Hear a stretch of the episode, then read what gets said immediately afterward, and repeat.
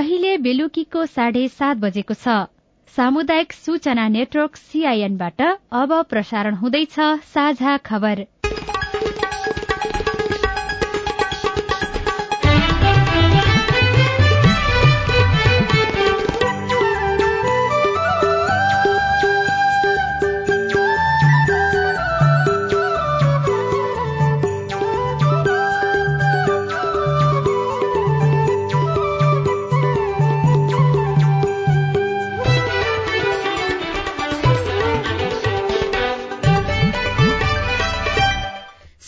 सीआईएनको साझा खबरबाट सोभिता रिसालको नमस्कार। साझा खबर देशभरिका सामुदायिक रेडियो सीआईएन खबर डट कम र मोबाइल एप सीआईएनमा पनि सुन्न सकिन्छ।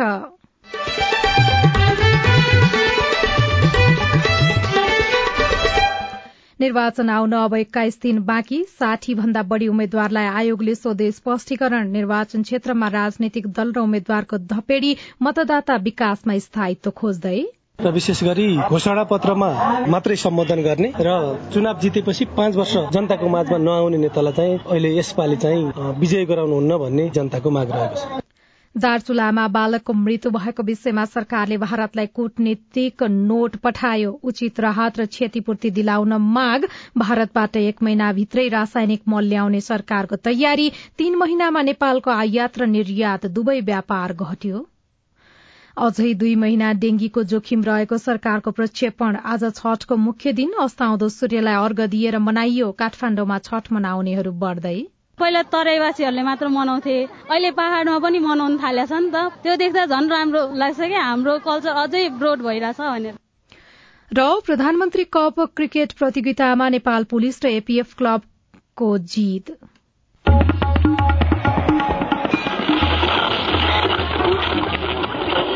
सयौं रेडियो।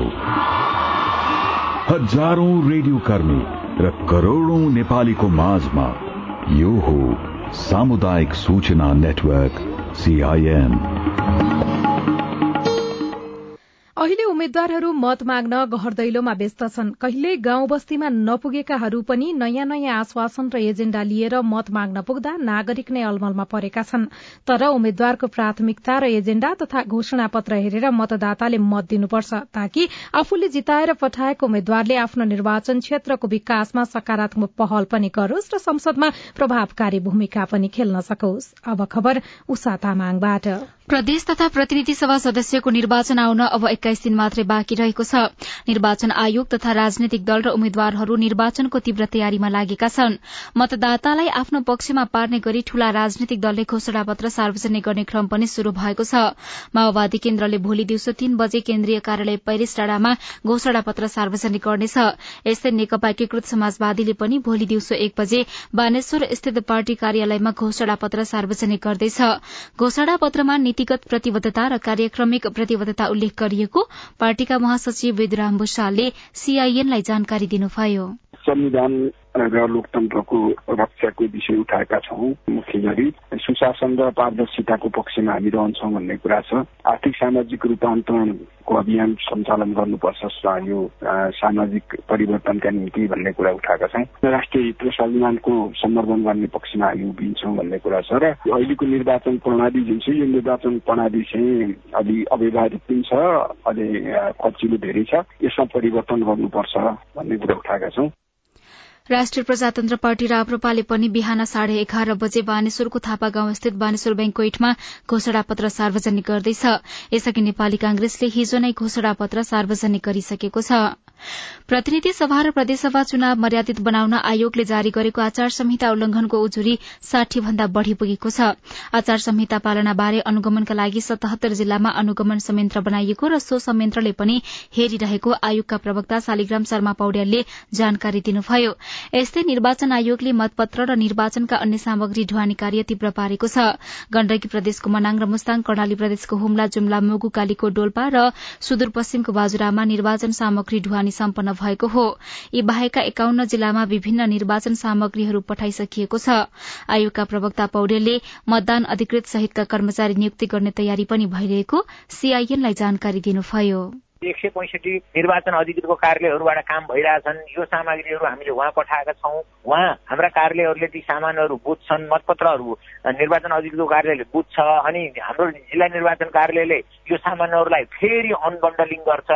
अनि मतदान केन्द्र वाइज बन्डलिङ गरेर निर्वाचन अधिकृत कार्यालयलाई बुझाउने त्यो काम हुन्छ भने त्यसपछि मतदान अधिकृत सहायक मतदान अधिकृत र सहायक कर्मचारीहरू नियुक्ति गर्ने मतदान अधिकृत र सहायक मतदान अधिकृतलाई तालिम दिने र उहाँहरूलाई सामग्री बुझाउने उहाँहरूको सुविधाहरू अथवा मतदान केन्द्र निर्माण गर्ने लगायतका रकमहरू बुझाउने कामहरू हुन्छन्। आगामी निर्वाचनमा दुई लाख छयालिस हजार कर्मचारी खटाउने गरी आयोगले तयारी गरिरहेको छ। आगामी एक साताभित्र निर्वाचनमा खटिने कर्मचारी छनौट भइसक्नेछन्। दार्चुलामा नौ वर्षका बालक पवन महराको मृत्यु भएको घटनालाई लिएर नेपालले भारतलाई कूटनीतिक नोट पठाएको छ। काठमाण्डु भारतीय राजदूतावास मार्फत परराष्ट्र मन्त्रालयले आज भारतलाई कूटनीतिक नोट पठाएको हो। नोटमा पीड़ितलाई उचित राहत क्षतिपूर्ति दिलाउन र अन्तर्राष्ट्रिय सिमानामा यस्ता गतिविधि गर्दा नेपाली पक्ष र सम्बन्धित स्थानीय प्रशासन र बासिन्दालाई समेत अगाडि नै जानकारी दिन भनिएको छ। महाकाली नदी पारी तावाघाट लिपुलेक सड़क चौड़ा पार्ने क्रममा बम विस्फोट गराउँदा उछिटिएको ढुङ्गा लागेर दार्चुलाको ब्यास गाउँपालिका दुई दुमलिङका बालक महराको मृत्यु भएको थियो। यसैबीच भारतीय सड़क निर्माण कम्पनी गरले घटनामा गल्ती स्वीकार गर्दै मृतकको परिवारलाई दश लाख रूपियाँ भारू राहत उपलब्ध गराएको छ। चालू आर्थिक वर्षको तीन महिनामा नेपालको आयात र निर्यात दुवै व्यापार घटेको छ। भन्सार विभागको तथ्याङ्क अनुसार असोज महिनासम्ममा आयात सोह्र दशमलव दुई प्रतिशत र निर्यात पैंतिस दशमलव सात एक प्रतिशतले घटेको हो। यस अवधिमा नेपालमा चार खर्ब उनासय करोड़ रूपियाँको सामान आयात भएको छ जुन गत वर्षको तुलनामा सोह्र दशमलव दुई प्रतिशतले कम हो। गत वर्ष चार खर्ब अठहत्तर अर्ब बाहन्न करोड़ रूपियाँको आयात भएको थियो। यसै गरी चालू आर्थिक वर्षको असोज महिनासम्ममा नेपालबाट एकचालिस अर्ब बयासी करोड़ रूपियाँको वस्तु निर्यात भएको छ। यो गत वर्षको सोही अवधिको तुलनामा पैंतिस दशमलव सात एक प्रतिशतले घटेको हो। गत वर्षको सोही अवधिमा पैंसठी अर्ब पाँच करोड़ रूपियाँको निर्यात भएको थियो। चार दिनसम्म मनाइने छठ पर्वको तेस्रो अर्थात मुख्य दिन आज अस्ताउँदो सूर्यलाई अर्घ दिएर मनाइएको छ। लोक पर्वको रूपमा मनाइने छठमा कृषि उपजका सामानहरूले बनाइएको परिकारबाट सबै जात जाति सामूहिक रूपमा जलाशयमा सूर्य देवताको पूजा गर्छन्। नदी किनारमा सजाएर चिरिच्याट्ट पारिएका घाटमा आज व्रतालुले अस्ताउँदै गरेको सूर्यलाई अर्घ्य दिएका छनृ। सूर्य देवताको पूजा गरी चार दिनसम्म मनाइने छठ पर्वको तेस्रो अर्थात मुख्य दिन आज अस्ताउँदो सूर्यलाई अर्घ दिएर मनाइएको छ। व्रतालुहरूले हिजो खरना मनाएका थिए। आज पोखरीहरूमा अस्ताउँदो सूर्यलाई पूजा गरी अर्घ दिइएको छ। छठ पर्वको महत्वबारे बताउँदै हुनुहुन्छ जनकपुर धाम आठकी आशा मिश्र। छठी माई के लेल ठकुआ बनते भुसुआ बनते केरा रहते अर्घ में सेव रहते संतोला रहते ई सब रहते लह के। कहली जे घर द्वार हो जते तो छठ परमेश्वरी के व्रत करबै तो घर भेले सामाजिक पर्व छठसँग प्रकृति र पानीको गहिरो सम्बन्ध रहेको छ। यो पर्वमा खेतमा उब्जिने सामानबाट विभिन्न परिकारहरू बनाई पोखरी तलाउ नदीको डिलमा सामूहिक रूपमा मनाइने गरिएको छ। संस्कृतविद पण्डित राधाकान्त झा। अरू जति व्रतहरू हुन्छन् ती जात जातिहरूले अलग अलग गर्दा रहेछन्। वर्ण व्यवस्था अनुसार हिन्दू धर्म चलिआएको। छठमा के देखिन्छ भने जुनसुकै वर्ण भए तापनि ती सबै वर्ण सबै जात जाति चाहिँ मिलेर एउटै तलाउमा वा एउटै नदीमा सबैजना मिलेर चाहिँ यो उत्सव मनाउँदा। छठ पूजाका सामग्री तयार गर्न महिलाले श्रद्धापूर्वक गीत गाइने चलन रहेको छ। भोलि उदाउँदो सूर्यलाई अर्घ दिई कठिन व्रत सहितको छठ पर्व सम्पन्न हुन्छ। Batuknath Jha CIN Janaki FM Janakpur Dham. Chhath पर्व अहिले तराई मधेसमा मात्र सीमित छैन। काठमाण्डुमा पनि छठ पर्व मनाउने क्रम वर्षेनी बढ़दो छ। काठमाण्डुमा गौरीघाट कमलपोखरी कुपण्डो लगायत बागमती र विष्णुमती नदीका किनार लगायत बीस भन्दा बढ़ी स्थानमा घाट निर्माण गरिएको छ।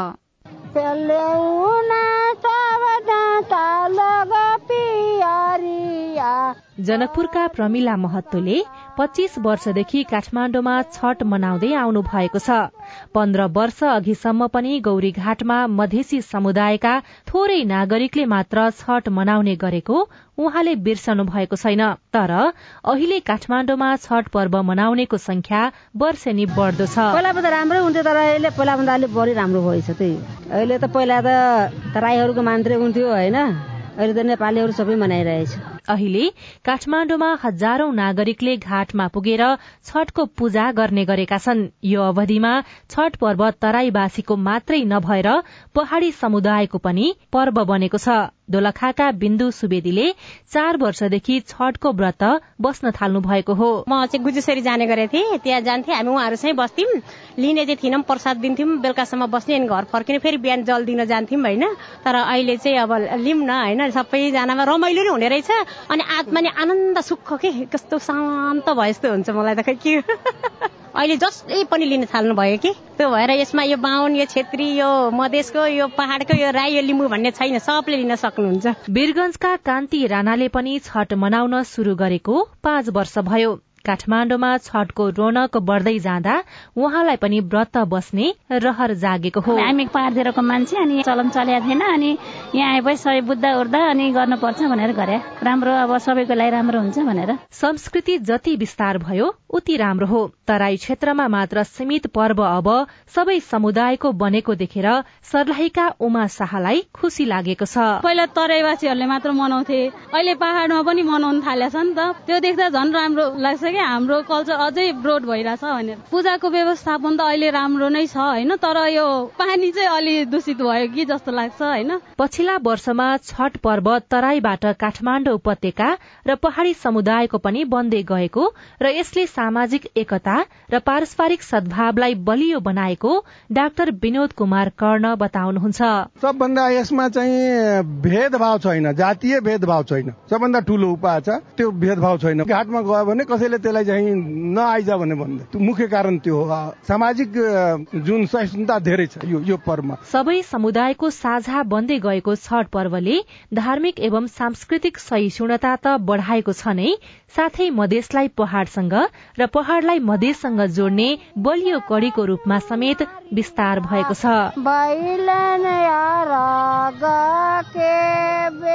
सुशीला श्रेष्ठ सीआईएन काठमाडौँ। राष्ट्रपति विद्यादेवी भण्डारीले छठ पर्वको अवसरमा सूर्यलाई अर्घ दिई पूजा अर्चना गर्नुभएको छ। आज कमल पोखरी पुगेर राष्ट्रपति भण्डारीले पूजा अर्चना गर्नुभएको हो। मध्य प्रदेश सरकारले छठ पर्वको अवसरमा भोलि पनि सार्वजनिक विदा दिएको छ। साझा खबरमा अब खेल खबर। छैठौं प्रधानमन्त्री कप क्रिकेट प्रतियोगितामा नेपाल पुलिस क्लब र एपीएफ क्लबले जीत निकालेका छन्। मुलपानी क्रिकेट मैदानमा पुलिसले बागमती प्रदेशलाई एक सय बयानब्बे रनको फराकिलो अन्तरले हराएको हो। त्रिवी क्रिकेट मैदानमा भएको अर्को खेलमा एपीएफले त्रिभुवन आर्मी क्लबलाई सन्ताउन्न रनले हराएको छ। जितका लागि दुई सय बीस रनको लक्ष्य पछ्याएको त्रिभुवन आर्मी क्लब बत्तीस दशमलव एक ओभरमा एक सय त्रिसठी रनमा अल आउट भएको थियो र टी ट्वेन्टी विश्वकप क्रिकेटमा पाकिस्तानले पहिलो जीत हात पारेको छ। यसअघिका दुई खेल हारेको पाकिस्तानले तेस्रो खेलमा आज नेदरल्याण्डसलाई छ विकेटले हराएको हो। अर्को खेलमा बंगलादेशले जिम्बाब्वेलाई तीन रनले हराएको छ भने अहिले भारत र दक्षिण अफ्रिका खेलिरहेका छन्।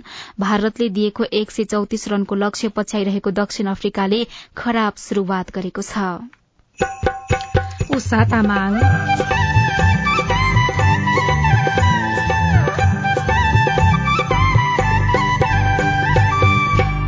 उम्मेद्वारहरू घर दैलोमा व्यस्त।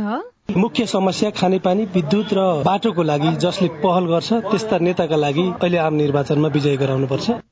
मतदाताहरू विकासमा स्थायित्व खोज्दै रिपोर्ट ओमिक्रोनको नयाँ भेरिएन्ट कति जोखिमपूर्ण विशेष श्रृंखला हाम्रो पालो लगायतका सामग्री बाँकी नै छन्। सीआईएनको साझा खबर सुन्दै गर्नुहोला।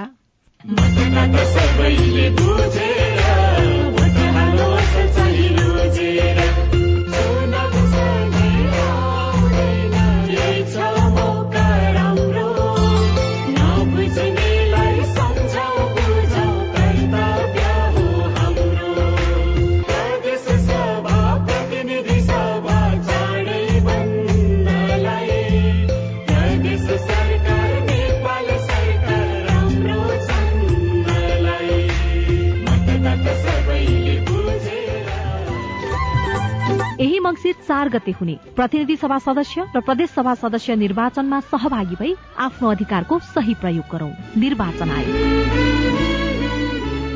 सामाजिक रूपान्तरणका लागि यो हो सामुदायिक सूचना नेटवर्क सीआईएन तपाई सामुदायिक सूचना नेटवर्क सीआईएनले तयार पारेको साझा खबर सुन्दै हुनुहुन्छ।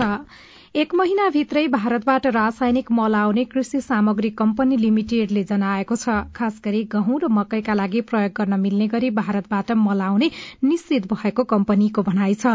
खरिद गरिएको मल विराटनगर वीरगंज र भैरहवामा रहेको कृषि सामग्री कम्पनी गोदामसम्म भारतीय कम्पनीले ढुवानी गर्नेछ। मल खरिद गर्ने भारतको राष्ट्रिय केमिकल फर्टिलाइजर कम्पनीलाई भुक्तानी प्रक्रिया समेत टुंगिएको छ। स्वास्थ्य तथा जनसंख्या मन्त्रालयले संक्रमण शुरू भएको पचासौं हप्तामा डेंगी संक्रमण शून्यमा झर्ने प्रक्षेपण गरेको छ। मन्त्रालयका शिक्षा प्रशासक माधव कुमार श्रेष्ठले पचासौं हप्तामा संक्रमण शून्य हुने प्रक्षेपण गरिएको बताउनुभयो। नेपालमा डेंगी संक्रमण बयालिसौं हप्तामा प्रवेश गरेको छ। स्वास्थ्य मन्त्रालयका अनुसार छत्तीसौं हप्तामा संक्रमण उच्च बिन्दुमा पुगेको थियो। नेपालमा जाड़ो शुरू भए पनि डेंगीका बिरामीहरू घटेका छैनन्। अझै केही साता यो क्रम जारी नै रहने सरकारले प्रक्षेपण गरेको हो। मंगिर चार गते हुने प्रतिनिधि सभा र प्रदेशसभा निर्वाचनका लागि उम्मेद्वारहरू यति बेला घर दैलोमा व्यस्त छन्। आफूलाई मत दिन आग्रह गर्दै घर दैलोमा पुगेका उम्मेद्वारसँग पाल्पाका मतदाताले भने विकास स्थायित्व रोजगारी लगायतका विषयबारे उम्मेद्वारको धारणा र योजनाबारे सोधीखोजी गर्नुपर्ने बताएका छनृ। सबै काम गरिदिने भन्दै निर्वाचनका बेला मुखले ठिक्क पार्ने गरे पनि निर्वाचन पछि नाकमुख नदेखाउने नेताको बानीका कारण नागरिक दिक्क हुने गरेका छन्। त्यसैले अब सधैँ जस्तो यो गर्छु र त्यो गर्छु भन्ने सपना मात्र देखाउने उम्मेद्वारले मत पाउने सम्भावना छैन। विकासको योजना बनाउन सक्ने र आफ्नो दुःख सुखमा साथ दिने उम्मेद्वारलाई मतदाताले मत दिने तानसेनका दीपक भट्टराई बताउनुहुन्छ। र पालपाली जनताका लागि मुख्य समस्या खानेपानी विद्युत र बाटोको लागि जसले पहल गर्छ त्यस्ता नेताका लागि अहिले आम निर्वाचनमा विजय गराउनुपर्छ र विशेष गरी घोषणा पत्रमा मात्रै सम्बोधन गर्ने र चुनाव जितेपछि पाँच वर्ष जनताको माझमा नआउने नेतालाई चाहिँ अहिले यसपालि चाहिँ विजय गराउनुहुन्न भन्ने पालपाली जनताको माग रहेको छ। राजनीतिक परिवर्तनका लागि प्रशस्त आन्दोलन भइसकेकोले अब आर्थिक आर्थिक विकासलाई मुख्य मुद्दा बनाउनु पर्ने धेरै नागरिकको बुझाइ छ। त्यसैले रोजगारी सिर्जना उत्पादनमूलक काममा जोड गुणस्तरीय शिक्षा र स्वास्थ्यमा आम नागरिकको पहुँच विभेदको अन्त्य जस्ता कुरालाई प्राथमिकता दिने उम्मेद्वार रोजाइमा पर्ने बताउनुहुन्छ रैना देवी छहराका रमेश भण्डारी। उत्पादनशील कार्यहरूमा चाहिँ जोड दिनु पर्यो। विकास भन्ने बित्तिकै खालि बाटो मात्रै कोतार्ने बाटो मात्रै गाउँ गाउँसम्म पुग्ने भन्दा पनि अलिकति भोलि बिहान यही स्थानीय युवाहरूलाई चाहिँ उत्पादनशील कार्यमा लगाएर बिस पचासजना मान्छेलाई चाहिँ रोजगार दिएर त्यहाँबाट निस्किएका जति पनि उत्पादनहरू छन् त्यसलाई चाहिँ बजारीकरण गर्न चाहिँ त्यस्ता खालका योजनाहरू लियो भने समग्र सिङ्गो राष्ट्रकै निम्ति पनि हित हुनेछ। प्रतिनिधि सभा र प्रदेश सभाले सुशासन र विकासको थिति बसाउने आवश्यक कानून निर्माण गर्ने बजेट र विकासको मूलभूत खाका तय गरी देशको गन्तव्य तय गर्ने मात्र नभई सरकार निर्माण र सरकारलाई खबरदारी गर्ने जस्ता महत्वपूर्ण जिम्मेवारी पाएका हुन्छन्। त्यसैले यी विषयमा अब्बल र संसदमा प्रभावकारी भूमिका निर्वाह गर्न सक्ने उम्मेद्वार मतदाताको रोजाइमा पर्ने शिक्षाविद गोपाल प्रसाद बस्यालको भनाइ छ। देशलाई एउटा दिशा निर्देश गर्ने खालको व्यक्तिहरूको छनौट मुख्य आधार हुनुपर्छ र सँगसँगै अब विकास निर्माणका समस्याहरू पनि छन्। तर त्यसमा चाहिँ लबी गर्न सक्ने सबैका समस्याहरू बुझ्न सक्ने खालको मान्छे पनि खालको स्वाभाविक रोजाइ बन्न सक्छ। आवधिक निर्वाचन पाँच वर्षका लागि नयाँ नेतृत्व छनौट गर्ने अवसर मात्र नभएर यसअघिका प्रतिनिधिको मूल्याङ्कन गर्ने अवसर पनि भएकोले मतदाता थप सचेत हुन आवश्यक छ। Bhuwan Raimajhi CIN radio Muktinath Palpa. साझा खबरमा अब हेलो सीआईएन सजना तिमल सिन्हाबाट।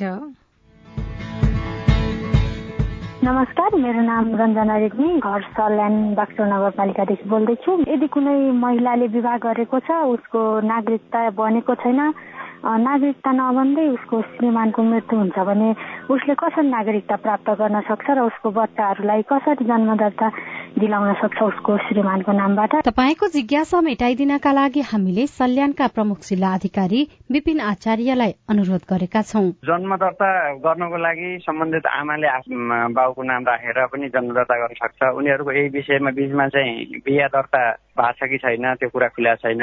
त्यसो भएन भने सासु ससुरा सहित सूचक जो भएर पनि गरिदिन मिल्छ।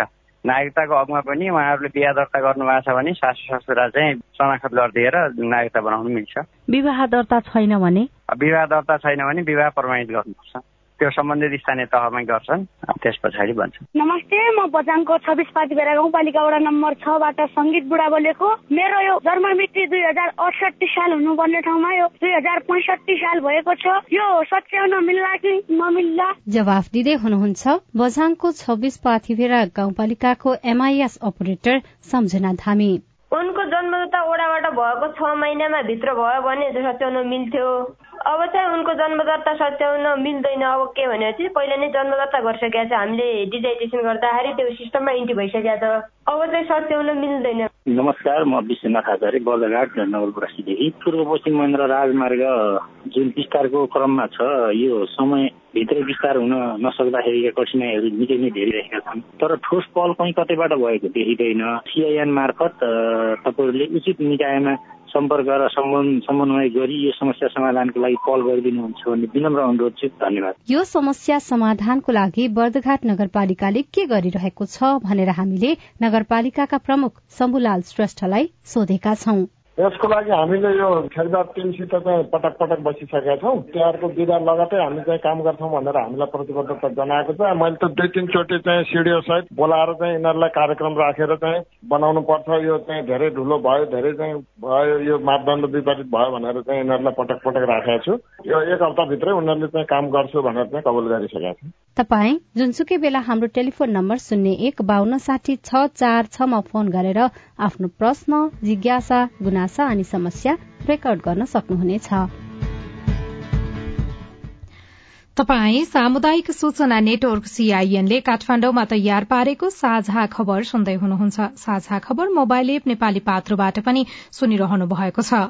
ओमिक्रोनको नयाँ भेरिएन्टको जोखिम कति? ओमिक्रोन भाइरसको नयाँ उपप्रजाति पनि नेपालमा परेको छ भन्ने मैले सुनेको छु। संक्रमण अलिकति बढेको भन्ने अवस्थाहरू छ यो अलिक बढी संक्रामक छ भन्ने कुराहरू छ।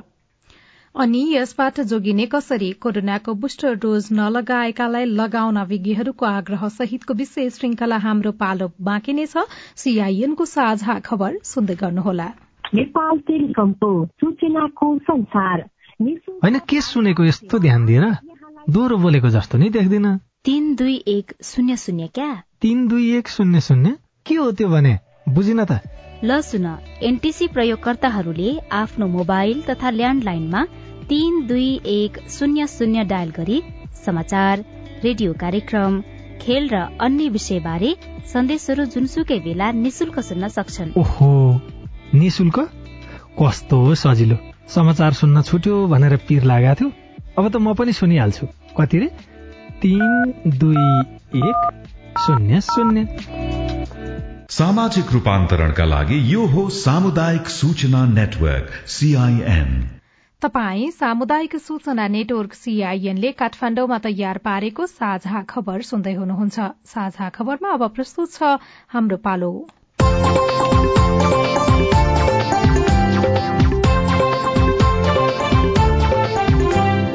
नमस्कार म सुशीला। कार्यक्रम हाम्रो पालोमा हामी कोविड लगायत अन्य विपत्तिमा बाल सुरक्षा बाल अधिकार लगायत किशोर किशोरी र युवाहरूको सवाल लिँदै त्यसको उत्तर खोज्ने प्रयत्न गर्नेछौं। कोविड लगायत अन्य विपत्तिका बेला बाल सुरक्षाका सवाल यसले उनीहरूको मनोविज्ञानमा पारेको प्रभाव यो समयमा उनीहरूलाई उत्प्रेरणा कसरी दिने अभिभावक र शिक्षकबाट उनीहरू कस्तो व्यवहार खोजिरहेका छन् स्थानीय सरकार र सरकारवालाले उनीहरूका लागि के के गरिरहेका छन् जस्ता विषयवस्तुमा सवाल जवाफ खोज्नेछौं। आज हामी हाम्रो पालोको बहत्तरौं खण्डमा छौं। पछिल्लो समय नेपालमा ओमिक्रोन भेरिएन्टको नयाँ प्रजाति फेला परेको भन्दै नागरिकहरूले चिन्ता व्यक्त गरिरहेका छन्। के वास्तवमै नेपालमा ओमिक्रोनको नयाँ प्रजाति फेला परेको हो। यससँग सम्बन्धित सवाल लगायत नेपालमा बुस्टर डोजको उपलब्धताको विषयमा बाल बालिका र युवाहरूको सवाललाई आज हामी कार्यक्रममा समावेश गर्दैछौ। कार्यक्रमको शुरूआतमा भने ओमिक्रोन भेरिएन्टको नयाँ प्रजाति फेला परेको विषयमा एकजना बालकको प्रश्न सुनौ। नमस्कार नाम बोल्दैछु। मेरो प्रश्न चाहिँ यस्तो छ। ओमिक्रोन भाइरसको नयाँ उपप्रजाति नेपालमा यसलाई परेको छ भन्ने मैले सुनेको छु। त्यो अन्य प्रजाति चाहिँ अझै बढी संक्रमक छ भन्ने पनि सुनेको छु। यो कतिको सही हो? तपाईँको जिज्ञासाको जवाफ दिँदै हुनुहुन्छ स्वास्थ्य तथा जनसंख्या मन्त्रालयका सहप्रवक्ता डाक्टर समीर कुमार अधिकारी। नेपालमा ओमिक्रोन भेरिएन्टको नयाँ प्रजाति साउनदेखि भदौभित्र लिएका विभिन्न नमुनाहरूमध्ये केहीमा पुष्टि भएको अवस्था छ। जुन भेरिएन्टका कारण पछिल्ला समय केही देशहरूमा संक्रमण अलिकति बढेको भन्ने अवस्थाहरू छ। यो अलिक बढी संक्रामक छ भन्ने कुराहरू छ। हामी एकदमै ठुलो चाडपर्वहरूको बिचबाट गुज्रिरहेका छौँ। तिहार छठ नेपाल सम्बत लगायतका हाम्रा विभिन्न आफ्नो स्थानीय सम्प्रदाय अनुसार हाम्रो आफ्नो संस्कृति अनुसार हामीले विभिन्न चाडपर्व मनाइरहेका छौँ। यी सबै चाडपर्वमा हाम्रो जमघट हुन्छ भेटघाट हुन्छ। यस्तोमा चाहिँ यस किसिमको भेरिएन्ट भएका संक्रमण भएका व्यक्तिहरूबाट अरू व्यक्तिमा थप संक्रमण नफैलियोस् आफूमा पनि संक्रमण छ भने अरूमा नजाओस् भन्नेतर्फ चाहिँ हामीले विशेष सावधानी अप्नाउनु पर्ने हुन्छ विशेष ख्याल गर्नुपर्ने हुन्छ। र अर्को बुस्टर डोज खोप लगाउन बाँकी व्यक्तिहरू हुनुहुन्छ भने पनि उहाँहरूले समयमा बुस्टर डोज लगाउने समय भइसकेको छ भने समयमा लगाउनु हुन अनुरोध गर्छौँ। जनस्वास्थ्यका मापदण्डहरूको पालना गरेर स्वास्थ्यको विशेष ख्याल गरेर चाडपर्वहरू मनाउन सबैमा अनुरोध गर्दछौँ। कार्यक्रममा अब भने बुस्टर डोज बारे बाल बालिकाको सवाललाई समावेश गर्दैछौ। जसको जवाफ दिँदै हुनुहुन्छ स्वास्थ्य सेवा विभागका खोप शाखा प्रमुख सागर दाहाल। नमस्ते मेरो नाम चाहिँ पेमा म चाहिँ यहाँ सिन्धुपाल्चोकबाट हो। के छ भन्दाखेरि हामी बाह्र वर्षदेखि सत्र वर्षसम्मकोलाई तेस्रो खोप आएको छैन। कहिले आउने हो र म चाहिँ अहिले अठार वर्ष पुग्यो। पहिला चाहिँ मैले सत्र वर्ष मुनिको खोप लगाएको। अब तेस्रो खोप चाहिँ मैले अठार वर्ष माथिको लाउनु पर्ने हो कि सत्र वर्ष मुनिकै लाउनु पर्ने हो? जुनाजी धन्यवाद प्रश्नको लागि। अठार वर्षभन्दा माथिको उमेर समूहको लागि चाहिँ हामीले तेस्रो डोजको पनि कुरा गरेको हो। तर बाह्रदेखि सत्र वर्षको केटाकेटीहरूलाई बालबालिकाहरूलाई जुन हामीले खोप दिएका थियौँ तपाईँहरूलाई त्यो खोपको चाहिँ बुस्टर डोज दिने कुरा चाहिँ अहिले निर्णय भएको छैन। त्यो पनि सबै जोखिमहरूलाई सबै कुराहरूलाई विश्लेषण गरेर आवश्यक पर्यो भने हामीले निर्णय गर्छौँ नै सरकारले निर्णय गर्छ। र त्यतिखेर हामी जानकारी पनि गराउँछौँ। यदि लिनुपर्ने भयो भने अहिलेलाई चाहिँ तेस्रो डोजको कुरा हामीले गरेको छैन। अठार वर्ष पुगेपछि चाहिँ पाइयो ठिक हो। नमस्कार मेरो नाम हर्षिता छ। म यस मोहनयालबाट बोल्दैछु। हाम्रो यस मोहनयाल दुईवटा कार्यालयबाट कहिलेसम्म पाँच वर्षदेखि मुनि र दुई वर्षदेखि माथिका बालबालिकाहरूलाई कोरोना खोप लगाइन्छ यो बारेमा जान्न चाहन्छु। अर्पिताजी तपाईँको प्रश्नको लागि तपाईँलाई पनि धन्यवाद। हामीले पाँचदेखि एघार वर्ष उमेर समूहकोलाई चाहिँ हामीले पहिलो मात्रा र दोस्रो मात्राको खोप उपलब्ध गरायौँ। पिडियाटिक डोज भनेर। त्योभन्दा कम उमेर समूहको लागि चाहिँ भ्याक्सिन दिने सम्बन्धमा हामीले त्यसलाई हेरिरहेका छौँ भनेको मतलब विश्लेषण गरिरहेछौँ दिनुपर्छ कि पर्दैन के गर्नुपर्छ भन्ने कुराहरू र आवश्यकता भयो भने सरकारले निर्णय गर्छ र तपाईँहरूलाई जानकारी गराइहाल्छौँ। हामी वडा मार्फत नै तपाईँले जानकारी पाउनुहुन्छ। अहिले चाहिँ त्यो पाँच वर्षभन्दा कम उमेर समूहको लागि हामीले भ्याक्सिन उपलब्ध गराउने निर्णय सरकारले गरेको छैन। नमस्कार म जयबहादुर मैले कोरोनाको दुईटा सुई लगाएँ। अब कति लगाउनु पर्ने हो? दिनु होला तपाईँले राख्नु भएको चाहिँ तपाईँको उमेर कुन उमेर समूहको हुनुहुन्छ त्यसमा भर पर्छ। यदि अठार वर्षभन्दा माथि उमेर समूहको हुनुहुन्छ भने तेस्रो डोजको लागि तपाईँ उपयुक्त हुनुहुन्छ तपाईँ। नजिकको स्वास्थ्य कार्यालयमा वा चाहिँ स्वास्थ्य संस्थामा वडा कार्यालयमा सम्पर्क गरेर खोप लिन सक्नुहुन्छ। मेरो नाम लोकराज बुढीगङ्गा नगरपालिका बस्छु र अठार वर्षभन्दा तलका बालबालिकाले बुस्टर डोज खोप कहिले पाउने सबैले पाइसकेका भन्छन् तर हामीलाई चाहिँ यो पुगेको छैन। बाह्र वर्षदेखि सत्र वर्षको उमेरको बाल बालिकाहरूको लागि अथवा भनौँ पाँच वर्षदेखि सत्र वर्ष उमेर समूहको बाल बालिकाहरूको लागि चाहिँ अहिले तेस्रो मात्रा खोप दिने सन्दर्भमा नेपाल सरकारले निर्णय गरेको छैन। धन्यवाद। स्वास्थ्य तथा जनसंख्या मन्त्रालयका सहप्रवक्ता डाक्टर समीर कुमार अधिकारी र स्वास्थ्य विभागका खोप शाखा प्रमुख सागर दाहाललाई। तपाईका प्रश्न तथा जिज्ञासाको लागि तपाईको आवाज रेकर्ड हुने आइभीआर नम्बर शून्य एक बान्न साठी छ चार छमा फोन गरेर प्रश्न तथा जिज्ञासा र विचार रेकर्ड गराउनुहोला। अर्को हप्ता प्रश्नको उत्तर खोजौला। साझा खबरमा हाम्रो पालो आजलाई यति। अब पालो। निर्वाचन आउन अब एक्काइस दिन मात्रै बाँकी रहेको छ। यो बीचमा साठी जना भन्दा बढ़ी उम्मेद्वारलाई निर्वाचन आयोगले स्पष्टीकरण सोधेको छ। निर्वाचन क्षेत्रमा राजनैतिक दल र उम्मेद्वारको धपेड़ी शुरू भएको छ। दार्चुलामा बालकको मृत्यु भएको विषयमा सरकारले भारतलाई कूटनीतिक नोट पठाएको छ। तीन महिनामा नेपालको आयात र निर्यात दुवै व्यापार घटेको छ। अझै पनि दुई महिना डेंगीको जोखिम रहेको सरकारले प्रक्षेपण गरेको छ। आज छठको मुख्य दिन अस्ताउँदो सूर्यलाई अर्घ दिएर मनाइएको छ। काठमाण्डुमा छठ मनाउनेहरू बढ़ेका छन् र प्रधानमन्त्री कप क्रिकेट प्रतियोगितामा नेपाल पुलिस र एपीएफ क्लबले जीत निकालेका छन्। आजलाई साझा खबरको समय सकियो। प्राविधिक साथी सुनिल राज भारतलाई धन्यवाद। भोलि कार्तिक चौध गते बिहान छ बजेको साझा खबरमा फेरि भेटौँला। अहिलेलाई सोभिता रिसाल पनि विदा हुन्छु। नमस्कार शुभरात्री।